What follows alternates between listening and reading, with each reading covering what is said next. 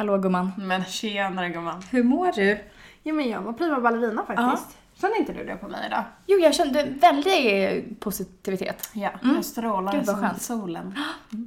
Jag måste berätta en grej Jaha. som har hänt i veckan. Ja. Jag pluggar ju och har ju haft, eh, min senaste tenta var ett rent Helvete. helvete. Ja.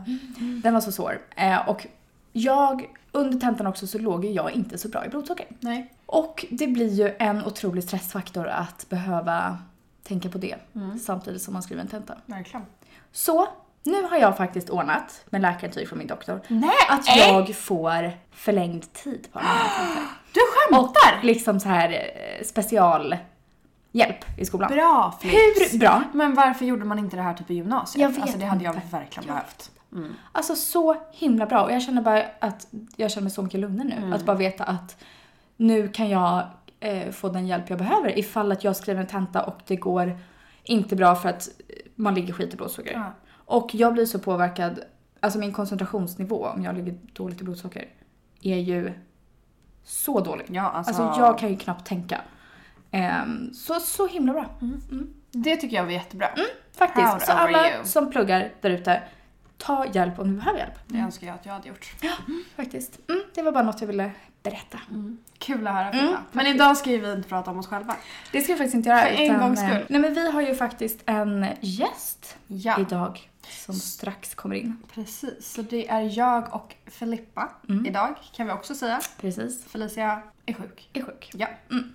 Och eh, våran gäst idag har ju faktiskt, eh, något vi kommer prata om i, som hon själv har upplevt är ju ätstörningar och diabetes. Exakt. Och även celiaki Mm. och diabetes. Som man även Felicia har, alltså glutenintolerans. Och det här är ju en person som är eh, väldigt stor inom diabetesvärlden Mm. i Sverige. Ehm, som både jobbar mycket med sina sociala medier och gör ett väldigt bra jobb eh, med att upplysa och eh, finnas där för andra med Mm. diabetes. Exakt. Och finns ju, håller på och bloggar, ehm, finns ju mycket om henne på YouTube, Instagram och allt som du säger. Ja. Och även då, något som vi också har fått frågor om faktiskt tidigare i podden, är ju det här med ätstörningar och diabetes. För det är ju faktiskt så mycket vanligare än vad man vet om kanske. ja. Och det är faktiskt så att eh, bland flickor i tonåren som har diabetes typ 1 eh, så är det två gånger förhöjd risk att utveckla en ätstörning. Mm. Vilket är helt otroligt. Ja. Nej men så spännande Mm. eh, och vi är så glada för dagens gäst. Och många av er som lyssnar kanske känner igen henne tidigare som diabeteskvinnan. Mm. Men är idag... Sara Mobeck.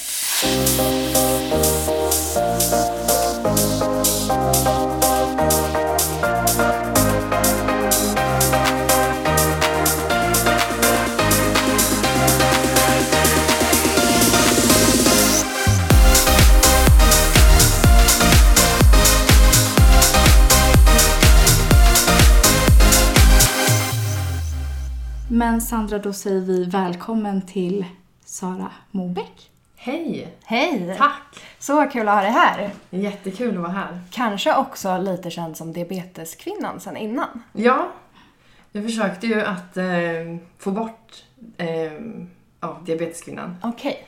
Eh, men att det ändå ska leva kvar. Ja. Men att jag ändå vill ha mitt namn istället. Mm. Exakt. När bytte du? Oj, jag tror att det var, var det två, ett, ett, två år sedan. Mm. Och då tänkte jag för att nå ut och för att slippa eh, frågor om vad jag faktiskt heter. Mm. Så tänkte jag men nu måste jag byta och det gör ju ingenting att få att, att mitt namn blir känt som att jag har typ 1-diabetes. Så det var lite på grund av det och en eh, branding-sak, alltså en business-grej. Mm. Exakt. Men om man då tänker, för att få fram lite mer om dig själv, vem är Sara? Och inte då diabeteskvinnan. Sara är en eh, driven och positiv eh, tjej. Eh, kanske inte längre, men kvinna. Hur gammal är du? Eh, jag är 31. Ja. Eh, jobbar väldigt mycket med allt möjligt eh, och eh, tycker att det är väldigt kul att eh, hänga med min familj, med mina vänner. Ja, allt som man ska göra. ja. Mm. Och du bor i Stockholm idag? Ja, Ja. Men är uppvuxen i Norrköping. Norrköping. När flyttade du till Stockholm? Så jag flyttade till Stockholm när jag eh, hade gått ut gymnasiet och då kom jag in på Musikhögskolan. Jag har spelat fiol sedan jag var fyra år. Eh, och där spelade jag i ungefär två år tror jag. Innan jag bokade en biljett till USA. Okej. För nu tänkte jag, det här kan jag inte göra och, och vad är det här för liv och här står jag och övar 100 timmar om dagen typ. Eh, så då valde jag att åka dit och plugga. Eh, det vart väldigt, eh, jag är också väldigt eh, spontan som person. Och jag minns verkligen mitt samtal med pappa när jag så här, shit, jag måste ringa pappa nu och säga att jag ska flytta. och att jag inte ska spela fiol längre. Mm. Eh, men han var väldigt förstående och bara sa ja men jag får ju köra dig till Arlanda. Ja. Eh, typ hej då. Eh, Mm. Men så bodde jag där i ungefär ett och ett halvt år. Eh, studerade business administration i Los Angeles. Mhm. Mm. På Väldigt. vilken skola? Santa Monica. Det här är också gott. ja. Alltså, Samma. gud, Gud vad roligt. Magi. Mm. Och det var väldigt kul för jag var där för två år sedan. Mm. Tillbaka till LA och gick runt i så här, den gamla matbutiken som jag var handlade på. Där jag bodde, gick förbi skolan och bara så här, gud, väldigt nostalgiskt. Ja. Mm. Gud vad Eh, roligt. Jag Ja. ångrar mig bara mer och mer. Filippa försökte ju få med mig på den där USA-resan du skulle göra där. Jag hakade inte riktigt på. Nej. Nej, men man ångrar ju sig. Men du, Mm. åkte du dit själv? Ja, Ja, jag gjorde också du det. också det. Ja, men jag, jag är minns, ändå- för det var ju så länge sedan. Och jag minns att jag, eh, för då gick jag på min, eh, alltså då hade jag, min läkare var i Norrköping då, diabetesläkare. Och då sa jag så här, men nu ska jag åka till USA. Så jag behöver eh, material och diabetesprylar för ett år. Och de bara, det här går inte. Mm. Det går inte. Till slut så fick min mamma gå in och bara, hon ska iväg, nu löser ni det här. Ja. Eh, så att det var ju liksom första hindret. Mm. Men det var jättekul och jag, ja. Men hur fick du till det med sen diabetesgrejerna? Hade du typ som en hel resväska då med dig för Jag år? på, på den tiden Ja. fanns inte sensorer så det var Nej. stick i fingret. Så att, men det blev inte så mycket. Nej. Alltså det vart, ja, vad säger man det här facket bakom eh, resväskan? Eh, nu gör, håller jag på med händerna men Ja. alltså själva lock, locket Ah, heter ja. Så en halv, Ja, halv resväska. Ja. Ja, men typ. Ja. Mm. Mm. Men det hade, jag hade väl en kabinväska Mm. Ja. tror jag. Ja exakt, och nu Men- är det mer grejer också då kanske för Ja, du var iväg förra året exakt. blir det ju. Ja, Mm, med sensorer precis. och allting. Ja Mm. exakt. Mm. Mm. Ja. Gud vad spännande. Ja. Ja. Men sen Och sen så hem. flyttade jag hem Mm. till Stockholm. Eh, och jobbade lite i butik och visste inte riktigt vad jag skulle göra. Eh, och valde att, eh, eller kom in på en utbildning i Sundsvall. Så jag började plugga logistik och inköp i Sundsvall. Mm. Så jag bodde där i två år. Vart runt en del. ja, kan Ja. man säga. Eh, och sen så flyttade jag tillbaka till Stockholm för då fick jag jobb. Eh, och eh, ja, och jag är kvar. Mm. Ja. Och din diabeteshistoria då? När fick du diabetes? Jag fick diabetes när jag var 13. Mm. Eh, och eh, det var inte... Alltså, om, alltså, jag vet inte om riktigt om jag minns rätt eller bara vill se det som var fint. Mm. Men jag tyckte ändå att det var en ganska bra period på något sätt. Jag mådde ju väldigt dåligt, såklart. Mm. Eh, gick ju på toa som sju gånger varje natt och drack väldigt mycket läsk. Mm, okej. Eh, vanlig läsk. Eh, och det är lite komiskt eftersom min pappa är läkare. Mm. Att man inte ser att ens barn är liksom sjuk på något sätt. Ja. Eh, men sen så hade vi en musikal i skolan. Jag spelade munk, jag gick i, jag gick i musikklass. Mm. Eh, och sjöng och var den här munken då med någon, med någon liksom peruk, eh, tjofräs. Mm. Eh, och sen så var det, för att göra det ännu mer rörigt så var det någon vecka innan så min klasskompis syster som var tre år äldre hade typ 1 diabetes, eller har typ 1 diabetes. Och då skulle de göra någon grej att ta blodsocker på någon rast. Vi tjejer då. Eh, och jag var den enda som vägrade. Oj vad sjukt. Mm. För att jag insåg att det, ja, det kommer inte bli bra det här. Jag vill inte. Nej. Eh, och sen då när den här musikalen var så var ju den här eh, systern, alltså mamma var ju där då. Och sen på kvällen så ringde hon till min pappa och sa att jag tror att Sara har typ 1 diabetes. Mm. Och pappa fick någon så här, ja men det är såklart att hon har, ja men jag kör in henne till jobbet imorgon. Mm. Så att eh, på morgonen efter, jag visste ingenting. Eh, vi fick ledigt från skolan. Eh, och sen så sa pappa att vi, kom, vi ska, du kan packa, packa en rygga och sen så åker vi in till jobbet. Mm. Du har troligtvis liksom, diabetes. Mm. Mm. så där var det. Ja. Ja. Men kommer du ihåg hur du kände? Visste du vad, vad det var då? Då visste du lite Jag antagligen. visste ingenting vad det Nej. var. Inte alls. Inte alls. Nej. Det känns som en ganska vanlig Ja. eh, reaktion för Ja. många som Ja. får det. Och jag tänkte så här, och jag tror att han till och med sa att jag har sockersjukan. Mm, och då var det okej. ändå så här, "Ha, ska jag dö? Mm. Vad är det här? Är det livshotande? Men sen så var det så himla fint på sjukhuset när jag kom in och, och de tog, var väldigt så här, sansade och välkomnande. Och det var ganska många äldre personer. Typ min, jag kommer ihåg min eh, sjuksyster som var där. Hon var närmare liksom, pensionsåldern. Och hon var så himla genuin och trevlig. Så att för henne, hon fick mig att inse att det här är ingenting jag behöver vara rädd för. Mm. Men eftersom jag också då var 13 år så hade jag ju liksom hela min liksom, eh, vad säger man, utveckling hade ju stannat av. Mm. Så att då när jag fick insulin, dropp, eh, och jag tror att om det var två dagar senare så vaknade jag upp och jag kunde inte ens se. Och jag kände bara att min kropp, och du vet så jag kände typ att mina bröst började växa. Alltså du vet, jag kände, allt bara kom på något sätt. Och jag fick min mens och tänkte så här, vad, är- vad är det som händer? Men nu, nu, är något, nu kommer jag ju verkligen dö. eh, så att det var nog mer det som var läskigt. Mm. Att jag fick, att den utvecklingen blev liksom helt skev. Mm. Ja, exakt. Men för hade du då gått också ganska länge med att ha diabetes då utan att då veta om det? Mm. Ja, Ja. För du hade ganska höga liksom, värden Ja. och så när du kom in? Mm. Jag tror inte ens att jag kunde utvisa hur högt det var. Nej, Nej. det är så. Ja. Mm. Ja. Och så här, jag har ju alltid varit en smal person. Eh, så att det var, jag tror att det var många som... Ja, men, hon- de, folk såg att jag åt och, och åt väldigt mycket kakor och Mm. chips. Och, Mm. ja, men så här, Sara, det kommer komma Mm. när hon kommer in i tonåren.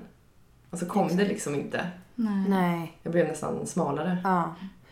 Ja men också symptom när man får diabetes det är ju just det här att liksom, man dricker väldigt väldigt mycket, Mm. man går och kissar väldigt mycket, det rinner rakt igenom men också att man blir väldigt smal. Jag blev ju också Ja. väldigt väldigt smal innan Ja. jag liksom åkte Ja. in och förstod vad det var. Så. Mm. Ja. Men då var du 13 alltså. Ja. Så att idag nu så har du haft det, hur många år blir det? Ja, hur, hur gammal är jag höll på säga. Men 18 år typ. Ja, typ exakt. snart 19 tror jag. Mm. Ja. Mm, exakt. Mm. Hur var det att ha en pappa som är läkare och få en, en sån här diagnos? Jag tror att det var skönt. Mm. Eh, och att just att min pappa, alltså att han har en sån relax bild på vad läkare kan säga och att man måste applicera det till sig själv. Mm. Att de, ut, de utgår liksom, eller de kan ju ofta säga riktlinjer och utifrån någon teoribok eller någonting. Det kan bli väldigt fyrkantigt. Men att sen ska man ta den, liksom, all information som man får, att göra det till sin egna regel eller sitt egna mantra i livet. Och där tror jag, det, det är liksom, så på det här sättet så har det varit väldigt bra. Mm. Att vi ska inte plocka bort någon form annan, vi ska inte plocka bort någon mat, vi ska liksom inte förändra vardagen på något sätt. Mm. Utan det vi ska hantera det är att försöka förstå hur många enheter insulin du behöver till maten som vi lagar till dig. Mm. Exakt. Men och du hade egentligen ingen liksom, i familjen eller i släkten som hade diabetes? när du Nej, fick det själv? jag tror att Nej. pappas faster hade typ 1-diabetes. Mm. Men hon dog väldigt tidigt för att de trodde att eh, rå bl- kokt blåbär någonting skulle hjälpa. Mm. Så att hon dog väldigt tidigt. Så det är det enda. Ja. Men sen fick ju, några år senare så fick ju, skulle pappa komma upp till mig och säga godnatt. Mm. Eh, och han bara, jo just det, kan inte du bara ta ett blodsocker på mig? Och jag bara, ursäkta? det ska ju vara liksom Ja. vice versa. Ja.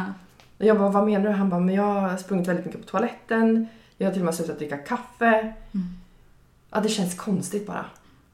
Så jag bara, okej. Eh, tog ett blodsocker på honom. Och så var det liksom 24 typ. Nej. Okej. Han bara, jag ringer till en kollega bara. Sov så gott! så han ringde till någon kollega som var då inne i diabetes, för han är inte inom diabetesgenren utan han är kirurg. Ja. Så han ringde till någon kollega och bara, men nu, har- nu har jag det här i blodsocker, vad ska jag göra? Han bara, men du har en dotter som har diabetes. Han bara, ja. Äh, ta några insulin av hennes spruta och så kommer du till mig imorgon. Okej. Så det var på den vägen. Åh jäklar, okej. Så min pappa fick typ 1 diabetes när han var 54. Gud. Det här är så sjukt. Ja, Mm. det här är... Ja. Alltså vi har ju börjat prata lite sista tiden om så här olika teorier och lite så här, alltså mellan varandra. Att man börjar undra lite just också eftersom Filippa och Felicia har. Varför har båda dem? De är syskon. Alltså så här, hur, vad är det för kopplingar egentligen? Eh, och hur allting går ihop. Ja. Alltså det är så konstigt. ja, det är jättekonstigt. Ja. Och att du har inte någon heller i din släkt. Alltså att det, bara, Nej. att det bara blir. Ja men också att då du har en pappa som är, vad sa du, hur gammal var han? När han 54. Ja, ja. Mm. Som då kan få det också Mm. i sån, alltså äldre ålder. Ja. Det är typ ett. Och att ni är som, nej. Så Nej, det- ja, det är jättekonstigt. Ja. Men nu så här i efterhand så kan jag tycka att det är skönt för nu, för han har ju liksom sagt, han sa på, på några år senare att men nu kan liksom relatera till att du kanske blev lite arg där på grund av diabetes och, och att det är svårt också som förälder att förstå hur ens barn känner. Och i och med att jag var på väg in i tonåren och det är väldigt mycket hormoner och att det kanske inte alltid beror på diabetesen heller. Att man behöver inte, man kan bli arg ändå trots att man har ett stabilt blodsocker. ja. Att man behöver inte skylla allting på sin diabetes. Nej. Nej, verkligen. Men jag gjorde ju lite research Mm. eh, och gick igenom när du startade din Instagram. Eller när ditt första Ja. inlägg i min Ja. din Instagram. Och det är ju 2015. Oj! Är Ja. det, ja. jag har koll här. Eh, Men var det då du egentligen, för att nu håller, nu håller du på att gå bort liksom från att vara diabeteskvinnan. Ja. Men startade du som diabeteskvinnan och var det då du gjorde det? Eller är det här en jättesvår fråga? Det är jättesvårt för Jag vet att jag startade min... Jag har ju, jag har ju liksom varit fram och tillbaka med blogg och då när jag flyttade till USA så sa min kompis som studerade då liksom så här, grafisk design och det var liksom mycket med radio och tv och så. Och hon bara, men jag, jag hjälper till och gör din header. Och nu blir det bland palmer och kanyler. Och jag bara, gud vilket bra, vilken bra slogan. Det är så här, Häftigt. Ja, ja verkligen. Eh, så det var ju på något sätt startskottet att ja, jag har flyttat från Sverige till USA med typ 1-diabetes och det här går faktiskt väldigt, väldigt bra. Mm. Eh, och i och med att det blev diabeteskvinnan så var det också för att jag ville visa att det går att leva ett fullständigt normalt liv med typ 1-diabetes. Att egentligen så handlar det om den mentala, liksom, mentala delen och mentala hälsan. Att det är ju du själv som sätter stopp för dig själv. Det är inte din diabetes, för den kommer ju alltid vara där. Exakt, Mm. verkligen. Men det är ju så vi också Mm. känner att man måste Ja. ju kunna göra allt. Ja. Ja. Även Och, så man får ja, det, och det, ja, det är lite fler papper och ja, det är lite mer medicin att tänka Mm. på. Och ha liksom, lite mer framförhållning kanske, om det går. Mm. Exakt. Men, ja.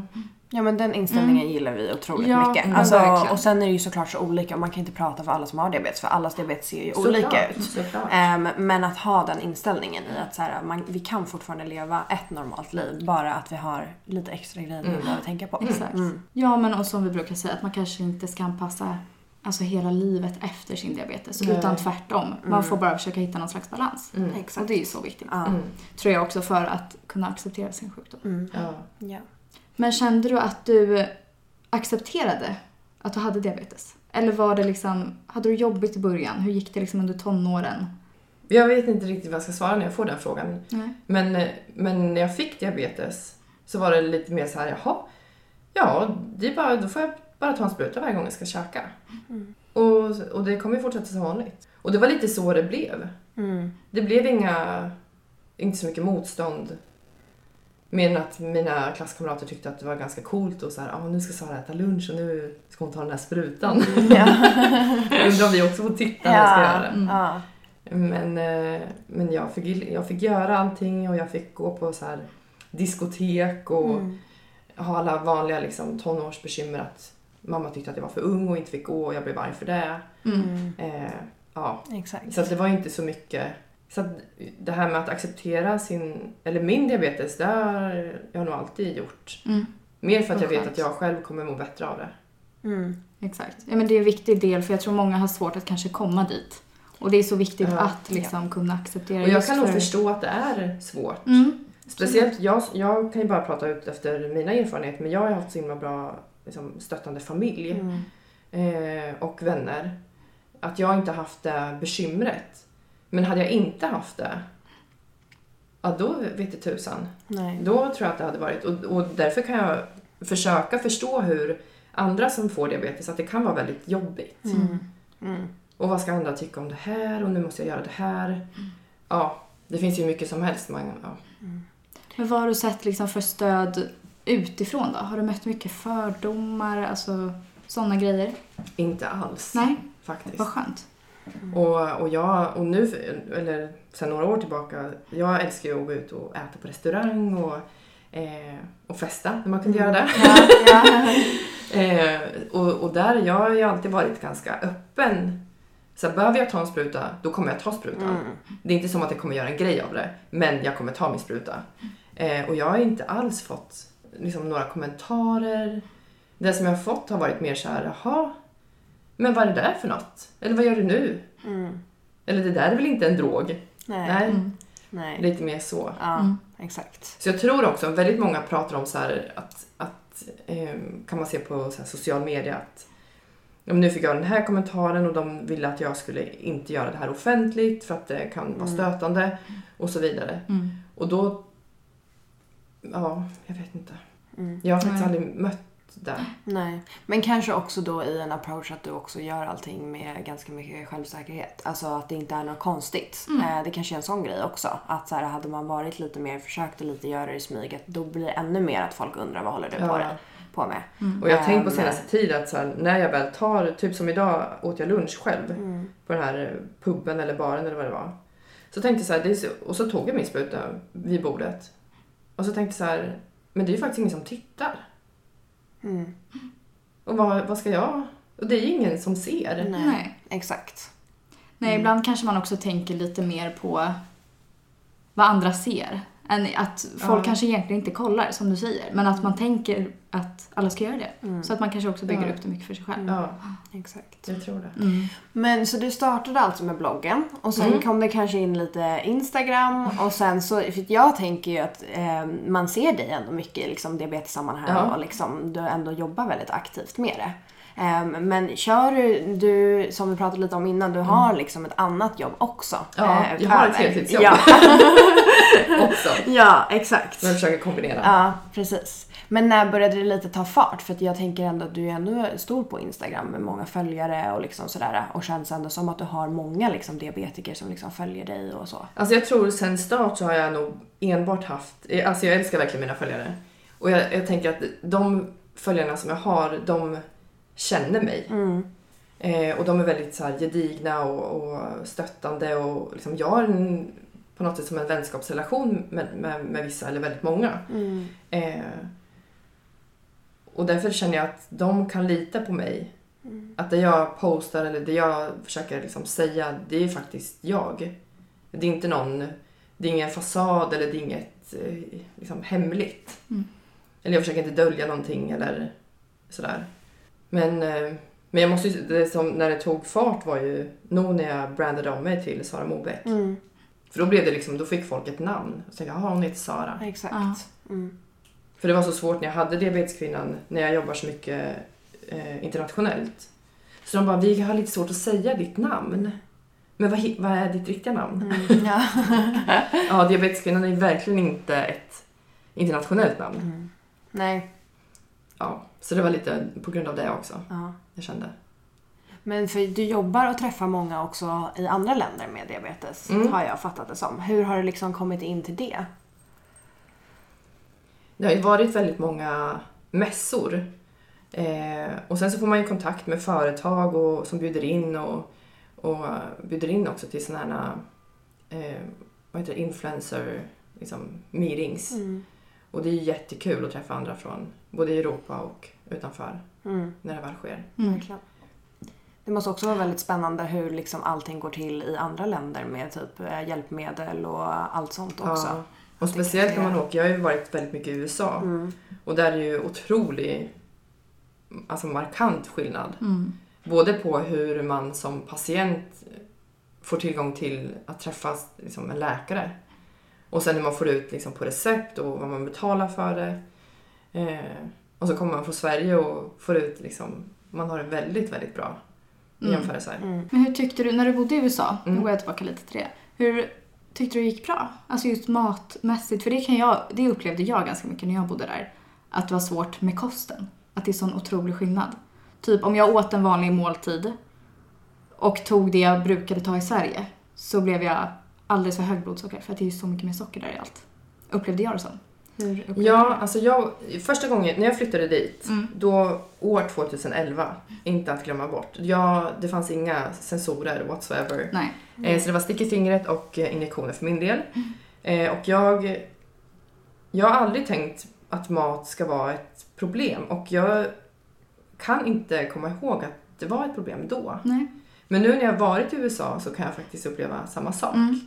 Att det är lite mer... Och det var som nu när jag var där senast, det var ju i februari innan, innan alla restriktioner.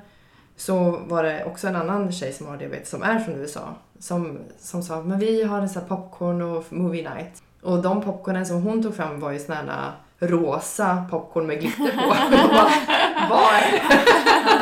Hon bara, så här, det är bara normala popcorn. Jag bara, men vad sägs som bara vanligt?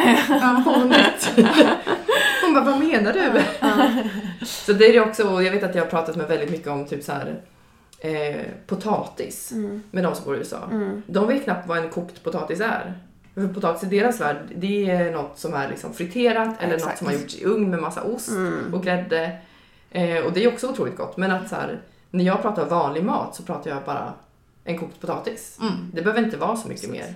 Nej, Eh, exakt. men alla är vi olika. Ja. Det är olika kulturer. Ja. Verkligen. Verkligen. Men okej, du var alltså 13 när du fick diabetes. Sen så har vi även också Felicia som också driver den här podden med oss eh, har ju både diabetes och gluten, eh, intolerans, vilket även du också har. Ja. Eh, när fick du den? Eh, Jag säger man diagnos för gluten också? Nej, det kanske man inte alls säger. Jo, det gör man ju. Ja, ja, det ja, ja. Eh, och den fick jag i samma veva. Ja, ah, För de testade då. Eh, så att jag fick göra en sån gastroskopi. Mm. Eh, ja, någon vecka senare. Det var något i samma snurra. Eh, och då såg de att, att jag också har celiaki. Så att om man ska jämföra att få sjukdomen diabetes och få celiaki så var ju nog celiaki det värsta. Okej. Mm. För jag åt väldigt mycket bröd. Mm. Och då var det så här, och mamma skrämde ut något på apoteket och fick liksom konka på liksom flera kilo och kom knappt därifrån för hon inte orkade bära hem. Nu idag är det ju väldigt mycket, det finns ju i alla matbutiker och det är som en lite sån hälsotrend. Vilket jag kan uppleva som väldigt bra, för då finns det mer alternativ för mig. Ja, men det säger ju Felicia också. Jag minns när Felicia fick det att det fanns ju inga alternativ. Typ äta ute på restaurang då. Det var ju en Det är kört. caesarsallad. Det var typ det Ja, hon alltid exakt. fick utan Mm. krutonger då. Men eh, så det är ju så mycket Ja. enklare idag. Måste det vara. Ja men och du, jag ser också på din lista, du bakar ju väldigt mycket, delar med dig av Ja. mycket glutenfria recept och bröd och sådär. Så Ja. det känns ändå som att du kanske har hittat den delen nu ändå. Eller? Ja, jag Ja. älskar verkligen att baka bröd. Ja. Mm. ja. Jag sa till min kompis i veckan, jag bara, alltså jag kan inte posta mer bröd nu. jag bara bakar så mycket. Men det är så härligt. Ja. Ja. Jag bara måste hitta något annat, jag får börja göra kakor typ. Ja. Exakt. Verkligen. Ja, Okej, men det, så det var alltså samtidigt. Mm. Mm. Men sen så har ju vi även, för vi har aldrig pratat om det här ämnet i podden, eh, men vi Nej. har fått en hel del frågor men känner oss ju inte jättekunniga själva eh, inom det. Eh, men just att det är van, eller ganska vanligt för eh, personer med diabetes att utveckla en ätstörning. Ja. Vilket du har egna erfarenheter inom. ja. När kom det? Vill du berätta lite om det? Alltså jag vet inte riktigt, jag tror kanske att få en ätstörning handlar ju väldigt mycket om många delar. Det är inte bara diabetes det handlar om. Nej. Eh, och jag, det är väldigt vanligt, man säger att det är drygt dubbelt så hög risk att drabbas av en form av ätstörning eller ohälsosamt matbeteende som diabetiker än om man jämför med icke-diabetiker. Och bara det är ju väldigt skrämmande. Eh, men det det var en väldigt rörig period i mitt liv. Jag hade precis liksom bytt jobb. Eh, jag gjorde slut med ett ex.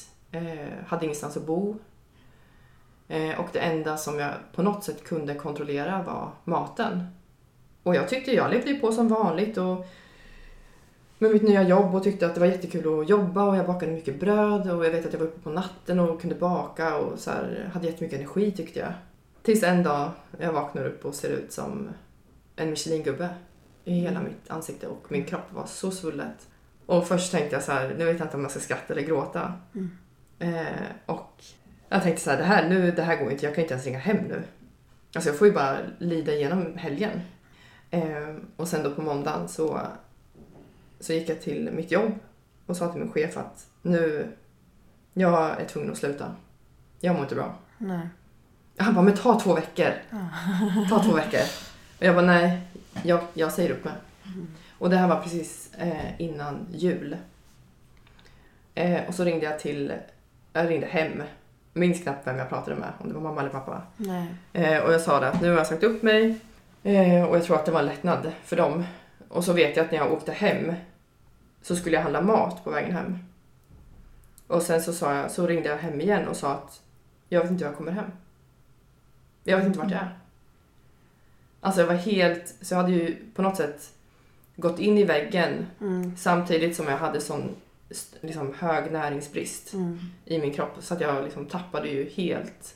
Eh, och det sjuka var att jag minns att jag, jag bara, men jag har ändå träningskläderna med mig, jag går och tränar. Mm. Jag behöver kanske energi. Oh my Eh, så att allt blev ju bara fel. Mm. Och jag tror också att en del av det, även om det är mycket annat än enbart diabetes, så tror jag att det handlar mycket om att försöka få ett så bra blodsocker som det bara går. Mm. Och därmed, och jag vet att det började med att om, okej, om jag plockar bort pasta, potatis och ja, äter sallad istället. Då behöver jag inte ta lika mycket insulin och jag får en liksom, stadig kurva. Tyckte att det var jättebra. Mm. Ja, det öppnar ju upp till en ganska speciell relation till just Mm. mat eftersom vi blir så himla matade liksom med eh, kolhydraträkning och liksom när man var liten tallriksmodellen, Mm. hur ska man tänka med insulin, vad påverkar? Alltså det är ju någonting som liksom ständigt pågår Ja. i huvudet bara i Och sig. sen då att ha hela den här social media. Vad ska man inte äta? Vad ska man äta? Vad är hälsosamt? Vad är nyttigt? Nej men gud, äter du godis på en tisdag? Herregud. Ja. Alltså att, vad är det som egentligen är normalt? Mm. Och jag tror att den kopplingen också, har man diabetes på det, så ska man försöka följa någon form av diet eller det ska vara låg kolhydrat eller man ska äta balanserat eller man ska äta bara frukt eller Mm. vad är det som egentligen... Och där tror jag är ganska svårt. Mm. Hur lyckades du liksom vända om de här tankarna? Jag vet, för jag, alltså jag är ju uppvuxen med att äta husmanskost. Mm. Att man äter liksom frukost, lunch, middag även på helg. För jag vet att mina kompisar liksom kunde äta lite kräm till lunch. Eller att det inte blev något. Eller att det blev lite eh, hipp som happ. Liksom. Mm. Men att min familj har alltid varit så här, men vi måste ju få riktig mat och man blir hungrig på något sätt och man blir mätt. Och Mm. man, äter ett, man tar ett mellanmål, man tar en macka om man är sugen. Man öppnar inte en godispåse, man, tar man äter något rejält. Mm. Eh, och i och med att jag blev sjukskriven och hamnade på då en ätstörningsklinik i Stockholm så fick jag hjälp av en dietist att få det förklarat att det är så här livet är. Och jag vet när jag och ehm, de som jag var inlagd med, vi skulle alltid äta lunch tillsammans. Och sen så satt vi där tillsammans, de hade inte diabetes. Men så kunde man kolla runt där på någon så här liten lunchrestaurang och bara men de här människorna ser helt normala ut Mm. och äter helt vanlig mat. Mm. Det är väl klart att jag också ska göra det. Mm. Och det går att äta en kebab till lunch. Men bara för att jag har diabetes behöver inte det betyda att jag inte kan. Och då tänkte jag så här, nu, det är nu eller aldrig. Alltså nu kör jag. Mm. Och jag vet att min första måltid när jag blev inlagd, det var en måndag. Det var februari, kallt som tusan var det. Mm. Var min första lunch var en, eh, två stora bakade potatis med skagen. Mm. Och jäklar vad gott det var. Ja. Jag vet att jag sa till dem, för de, problemet var ju så här, okej men du har diabetes också. Mm. Vi kan inte ta hand om den. Nej. Jag bara, ni, skit i den. Mm. Jag tar hand om den. Jag vet hur det, hur, man, hur det går till att dosera insulin. Mm. Jag får ju bara lära om på nytt. Eh, ni sköter att jag, eller ni ser till att jag äter Mm. och sen sköter jag resten. Ja. Och det var lite så det var. Jag gick in med den inställningen att jag vill inte leva mitt liv så här. Mm. För jag har liksom inga vänner kvar, jag har inget jobb kvar, jag har knappt min familj kvar. Mm. Så nu gäller det. Mm. Det är många år kvar av livet. Mm. Ja. Men hur hann din... För då var det egentligen... Alltså, jag tänker om man inte äter så mycket så får du inte heller i dig något insulin. Ja. Alltså kom det till den nivån liksom att det blev insulinbrist i kroppen eller hur liksom... Nej, Hur påverkades diabetesen av det? alltså inte så mycket. Nej. Jag fick, och det var ju svårt för mina, mitt diabetes liksom, team att se att det skulle kunna vara något problem. Mm. För jag hade så himla bra HbA1c, jag hade bra Mm. värden, Ja. liksom, stadigt. Och inte ketoner, att du Nej. fick så... Nej. Nej. Men hur länge skulle du säga att den här perioden pågick innan du liksom fick hjälp och blev inlagd på den kliniken som du var på? Alltså jag tror det första problemet kom nog när jag först flyttade till Sundsvall Mm. eh, för att plugga. Det var då det var lite så, vi bodde ett gäng eh, på en ganska liten yta. Och då var det så påtagligt vad alla åt och vad alla skulle äta. Och, Även om det var en tisdag och någon åt godis så kunde det vara så här, ska du verkligen äta? Det är faktiskt bara tisdag. Vi ska ju ut och ta en promenad nu. Mm. Och där på något sätt satte sig, för jag var lite osäker på om det här verkligen var rätt utbildning. Vad är det här för människor?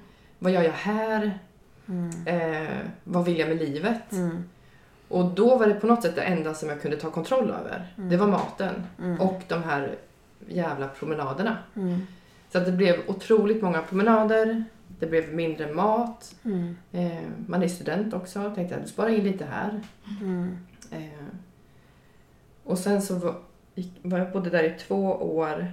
Jag säger att det var fyra, fyra år då, ungefär. Men när du fick den hjälpen, vart är du liksom idag? För att jag vet att det finns en Youtube, eller en Youtube, en video på Youtube Mm. där du pratar om det här som Mm. tror jag är från 2017. Mm. Eh, som är så intressant. Ehm, och där pratar du om att du liksom är på väg ut liksom i någonting Mm. annat. Är, skulle du säga att du är frisk idag eller? Alltså, jag, jag är vän med en, med en som jag faktiskt låg inne med. Ja. Och jag vet att vi har pratat om det här för hon, hon för jag också säger men hur vet du att du är frisk från en ätstörning? Mm. Eh, hon kan nog säga att hon är frisk. Eh, vilket är jätte... Man blir helt tårögd nästan när man pratar om det. Verkligen. Ja. Men jag bara, men jag, för jag kommer ju alltid behöva, jag kommer alltid behöva tänka på vad jag äter. Mm. Eh, och jag kommer ju alltid behöva på något sätt kolla på hur många kolhydrater det är i om jag köper någon ny maträtt eller köper en ny pasta eller köper något annat, helt annat. Mm. Och jag kommer på något sätt vilja ta den där kvällspromenaden Mm. ändå för att jag vet Mm. att det håller mitt blodsocker mer stabilt än om jag inte tar den. Exakt. Men jag tar den, men så här, jag väljer att äta mat ändå Mm. fast det kanske är lite högt. Mm. Eller att jag väljer att ta promenaden fast inte för att jag ska bränna kalorier utan för att jag faktiskt mår bra av det. Mm. Och det är ju ett hälsotänk. Att jag alltid hela tiden måste påminna mig själv om att jag gör det här nu för att, eller inte på grund av att jag vill gå ner i vikt eller att jag vill se ut på ett visst sätt eller för att jag har ångest eller för att jag mår dåligt på något annat sätt. Mm. Utan jag gör det här för mig själv. Mm. För att jag ska må bra. Och är det så att jag tänker att eh, eller att jag har lite ångest eller att jag mår lite sämre någon dag, vilket alla gör. Mm. Eh, nej men skit i den där promenaden. Och ja, köp den där hamburgaren nu som ligger runt hörnet. Liksom, Mm. få bara att liksom, det går över. Mm. Håll ut Mm. två timmar. Lovar att det Mm. känns bättre. Ja. Mm. Gud vad skönt Mm. Att du har Mm. kommit dit. Mm. Men jag tycker också man kan se på, och det vet jag att vi har pratat om i avsnitt förut, alltså man kan se många diabetiker på Instagram som har, alltså går efter sådana kostscheman för att minimera Mm. insulindoser. Mm. Alltså oh gud, jag blir helt, alltså jag blir så rädd när, när för jag är inte Ja. jättepåläst om det här men jag vet Mm. att när jag höll på med att ändra om min kost mm. Mm. innan jag blev sjuk då fick jag höra att du kommer gå upp i vikt om du tar för mycket insulin. Mhm. Och insulin är ett hormon Mm. men det kommer inte göra att du går upp i vikt. Nej, Nej. Punkt slut. precis. Mm. Men jag blir också lite stressad när jag ser just sådana Mm. Extrema kostscheman. Mm. Just för att så här, vi måste ju få i oss saker vi kan ta insulin på. Mm. För att vi ska må bra. För Mm. tar vi ingen insulin så mår vi inte bra och bildar, kroppen bildar liksom ketoner och allt, Mm. allt vad som händer. Mm. Eh, men just det här att vi är ju så medvetna om vad vi äter. Mm. Och varje gång vi äter något så måste vi tänka på är det snabba, långsamma kolhydrater, hur mycket ska jag ta, alltså allt sånt. Och att de tankarna hela Mm. tiden är med gör det ju inte så konstigt heller att det är så pass vanligt Nej. Med just ätstörningar och diabetes. Mm. Men det är jobbiga tankar såklart. Mm. Verkligen. Ja. Och jag kan faktiskt, eller faktiskt, jag förstår det. Mm. Och det blir jobbigt och därför tänker jag att vi måste prata mer om det här. Verkligen. Eh, och även om det inte är, jag hade ju anorexi, det finns ju det som kallas för diabulimia, Mm. när man inte tar insulin alls. Okej. Vilket också är eh, väldigt, väldigt farligt. Mm. Ehm, för att just vilja gå ner i vikt. Mm. Ehm, Okej. Och Är det då att man inte tar insulin för att man tänker att man går upp av insulin? Eller vad? ja, du går ner i vikt för att du inte tar insulin. Ja. Mm. För att du får ett högt blodsocker, att Ja. du kissar ut Mm. den. Mm. Ja, exakt. Ehm, och det här är väldigt vanligt. Det var ju därför jag var i San Diego i, i februari. För det var ju på en sån diabulimia helpline eh, konferens. Mm. Mm. Så att jag var ju den enda diabetikern som hade liksom, den här andra typen av ätstörning. Ja. Men då fick om du ser att det går ju faktiskt att få, det går att få alla ätstörningar. Men, eh, men att det också finns Mm. den form av matproblematik. Mm. Att till slut vet man inte vad man ska äta så att man äter ingenting alls. Nej. Mm. För att man vill inte ta insulin för man, vet, man vill inte ha ett högt blodsocker eller man vill inte ha ett lågt blodsocker utan Mm. man bara låter det vara. Mm. Eh, och det är, ju, kan ju, det är ju en tyngd att känna som diabetiker att jag vet inte hur mitt blodsocker kommer reagera. Mm. Mm. Verkligen. Och det är ju ständiga tankar hela tiden. Mm. Och det Mm. är ju så kostrelaterat allt Mm. vi gör. Mm. Vilket såklart kan trigga andra tankar. Mm. Ja, ja, och tänker bara, händer det någonting annat i livet? Man, Mm. en relation tar slut Mm. eller man blir av med jobb. Alltså, det kan ju vara vad som helst. Mm. Någon är sur i matbutiken. Mm. Att det, det liksom kan trigga så många andra känslor Mm. i kroppen som... Och så blir Exakt. diabetesen på något sätt som en börda. Ja. Extra börda. Mm. Men innan du då hamnade på den här kliniken och fick Mm. hjälp, kunde du få sådana tankar att säga, nej men jag äter inte det här? Eller att du valde bort liksom vissa grejer då för att få ett stabilare blodsocker Mm. och inte behöva tänka att det skulle bli lättare liksom diabetesmässigt? Mm. Ja. Jo, jag tränade otroligt mycket också. Mm. Så jag var ute... Mina dagar gick ut på att jobba, träna och försöka sova. Mm. Ja, för i den här YouTube-videon du pratar om Sanna, Mm. Så tror jag du säger någon gång att du gick till gymmet en tredje gång den dagen. Eller något sånt. Kunde det vara så? Kunde Ja. det vara Och tre jag, gånger på min, gymmet? ja, och jag vet att jag, när jag blev inskriven sen, så sa hon så här, du måste säga upp ditt gymkort. Mm. Mm. Och jag bara, okej, jag gör det. Mm. Jag ska ju inte dit mer. Nej. Så här, nej.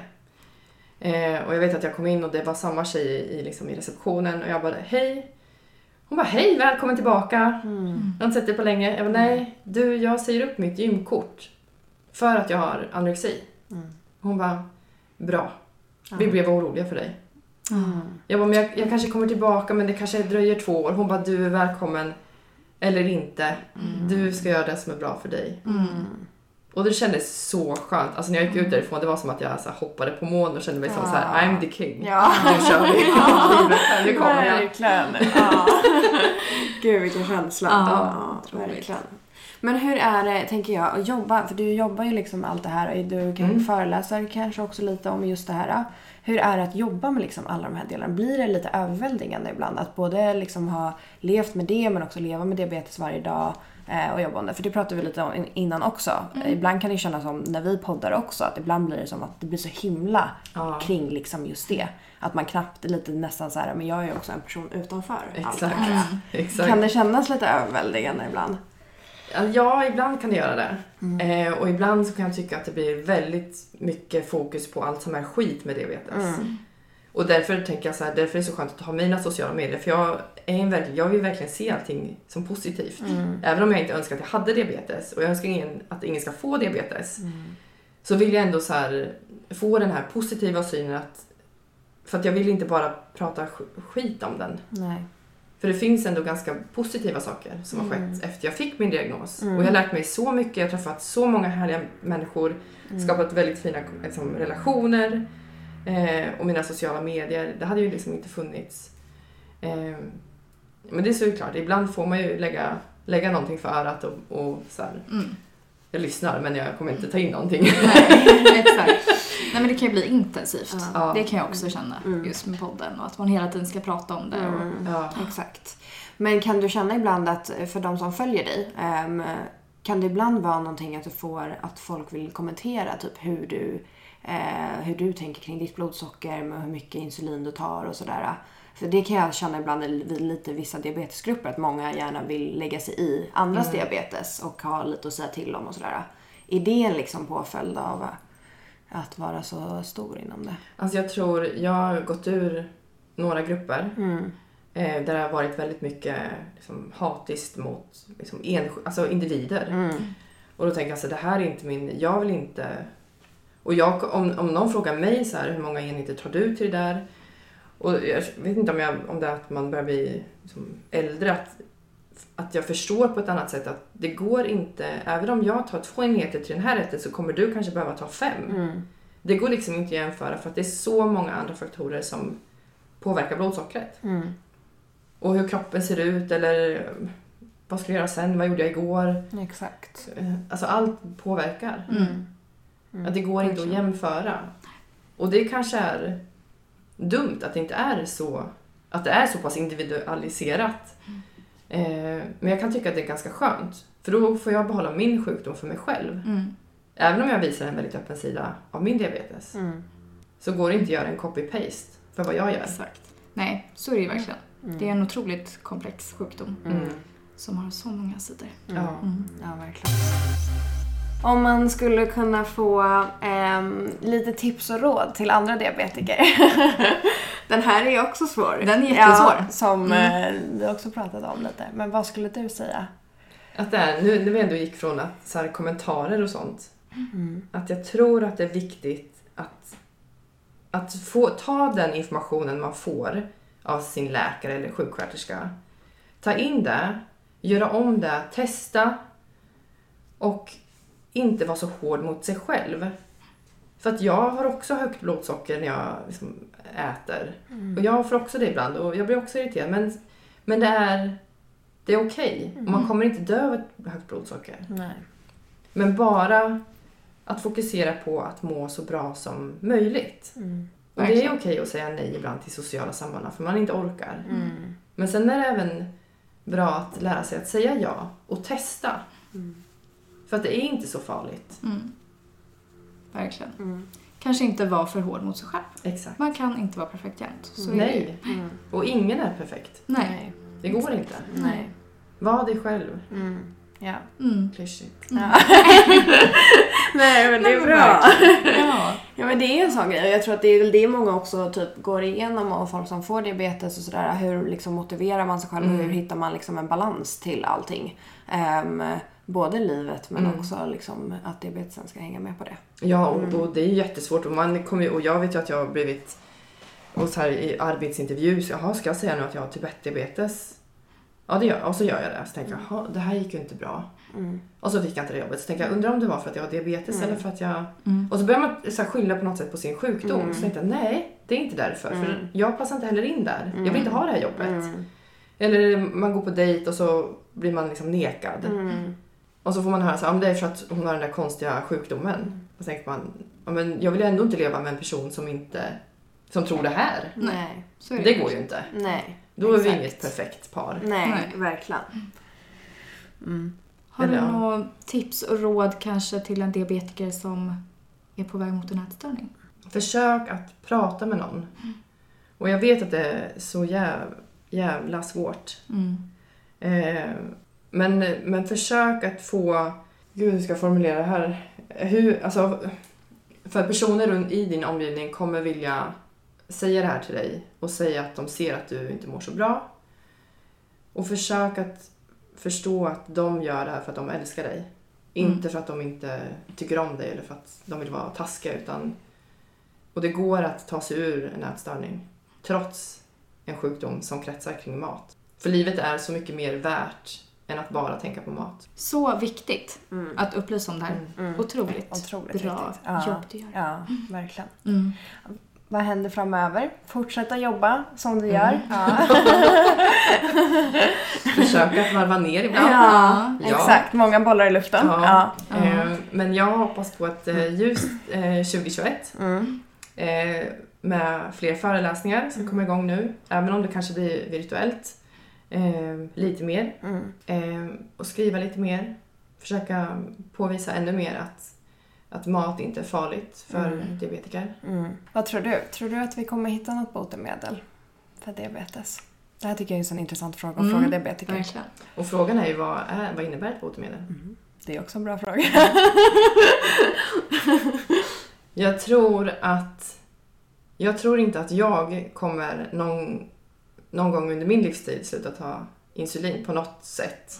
Om hur det nu ser ut. Ehm, om jättemånga år. Men jag tror kanske att barn som föds i framtiden kan få något form av eh, botemedel eller sätt att de inte behöver ta sprutor på samma sätt. Mm. Mm. Exakt. Det får vi verkligen hoppas på. Mm. Mm. Att vi är på väg mot Mm. det. En annan fråga som jag måste ställa nu för att Mm. vi är mitt uppe i det. Ehm, hur ställer du dig med allt det här med corona? Vi pratade ju lite om det innan men jag tänkte att vi ska ta det här också till alla där ute som undrar. Känner du någon liksom oro över det? Just diabetesmässigt? Inte diabetesmässigt, jag är inte det. Eh, och det som det finns, vad jag vet idag när vi spelar in det här, så finns det inga former av riskfaktorer att jag som typ 1-diabetiker som har ett bra HbA1c och ett för övrigt ganska hyfsat friskt liv, Mm. eh, finns inga, jag, har, liksom, jag ingår inte i någon liksom, riskfaktor. Eh, men jag, alltså alla ska vara försiktiga och tvätta händer och hålla distans. Eh, men jag själv, jag, nej. Nej. Men jag tycker att det är skönt och jag tycker att det är en bra inställning för det är som jag också säger just för typ att det finns ingenting som säger helt och hållet att vi skulle vara i någon form av nej. Och det kanske gör om ett år, två år att, Exakt. Mm, verkligen. att det är så. Mm. Eh, Men kanske viktigt också inte gå runt och vara för rädd. Nej. För att, nej, Det för då kan man bli också. för allt. Mm. exakt. Verkligen. Man får bara göra smarta val. Mm. Mm. Exakt. Och jag hoppas att det kommer ett vaccin mot Ja, det också också. då. då. exakt. Mm. Om man vågar ta. Ja, det är Ska det man ju också. tänka på det och så också. ska alla Mm. våga ta också för att det ska ge en Exakt. effekt. Ja. Ehm, I hela världen också. Ja. Ja. Det. Vi får se hur det här kommer gå. Ja, verkligen. Nej, det kommer nog bli bra. Ja. Ja. Men eh, Filippa, ja, ja. känner du? Jag känner att vi har haft ett jättebra Ja. avsnitt. Mm. Jag med. Ja, Och så kul att höra hela din story och Ja. allt. Ja men verkligen och känns också väldigt viktig och jag tror att den är otroligt viktig också för våra lyssnare att få Mm. ta del av. Verkligen. Så tusen tusen tack Ja, för att du har varit här. Mycket. Ha det bra. Hej då! Hej då.